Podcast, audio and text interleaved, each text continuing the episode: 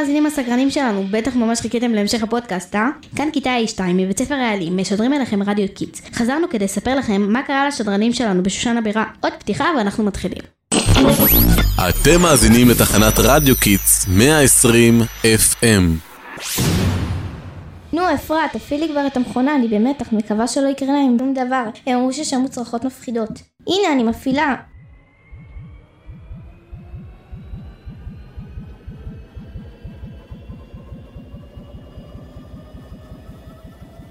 מירב יעל, שומעים אותנו? אתם שם? הכל בסדר?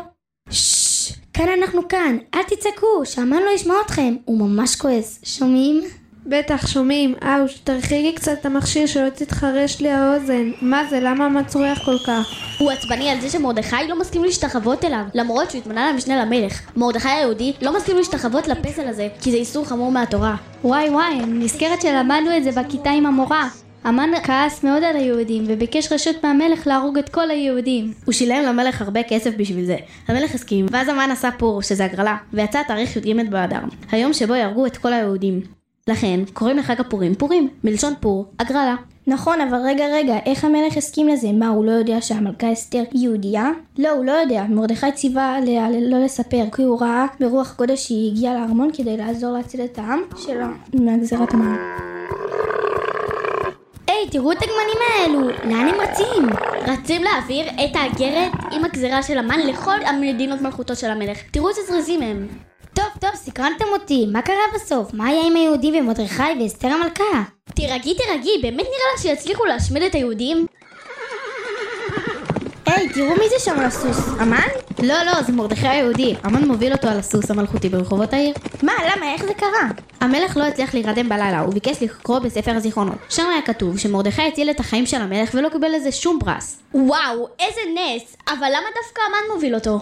כי הוא בדיוק היה בחצר המלך. הוא רצה לבקש רשות כדי להעניש את מרדכי היהודי על זה שהוא לא משתחווה לו. ולבסוף צריך לסחוך אותו ולצעוק, ככה יעשה האיש אשר המלך חפץ ביקרו. טוב, נראה לי כיתה A2 גם ירצו לראות את המחזה. נזמין אותם לגלוש בזמן ולדווח מהשטח את המשך הסיפור. כיתה A2, בואו, תצטרפו אלינו. נחתנו! כאן כיתה A2, משדרים משושן הבירה יואו יואו. בואו ניכנס לארמון ונראה את המלך. אני חייבת לראות מה קורה שם בפנים. השתגעת? אסור להיכנס לאגף של המלך מבלי הזמנה. מקבלים על זה עונש חמור מאוד.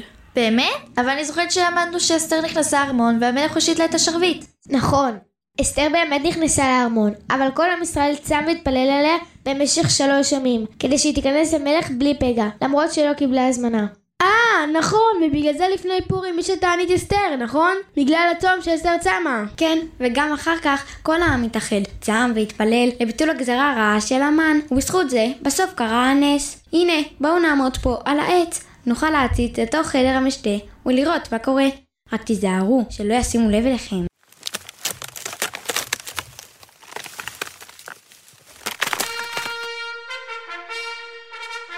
או, הנה המן, ואחשוורוש, ואסתר. רגע, שכחתי לשאול, מה אסתר רצתה מאחשוורוש בעצם?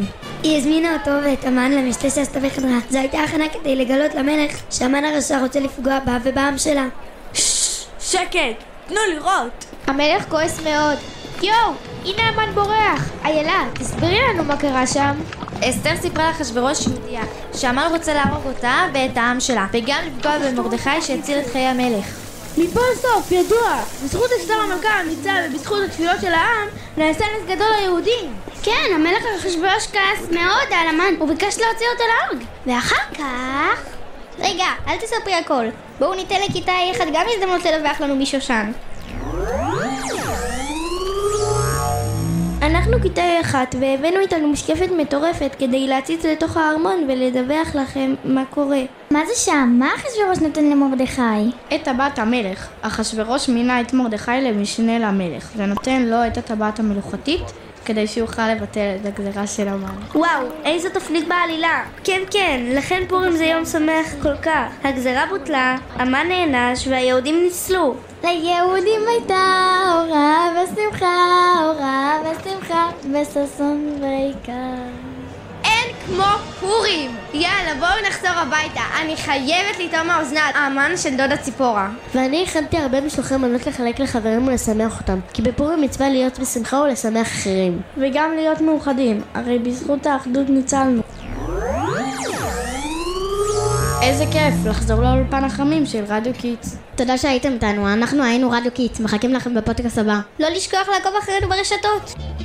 מרדכי יצא המלך, בלבוש מלכות ועטרת זהב.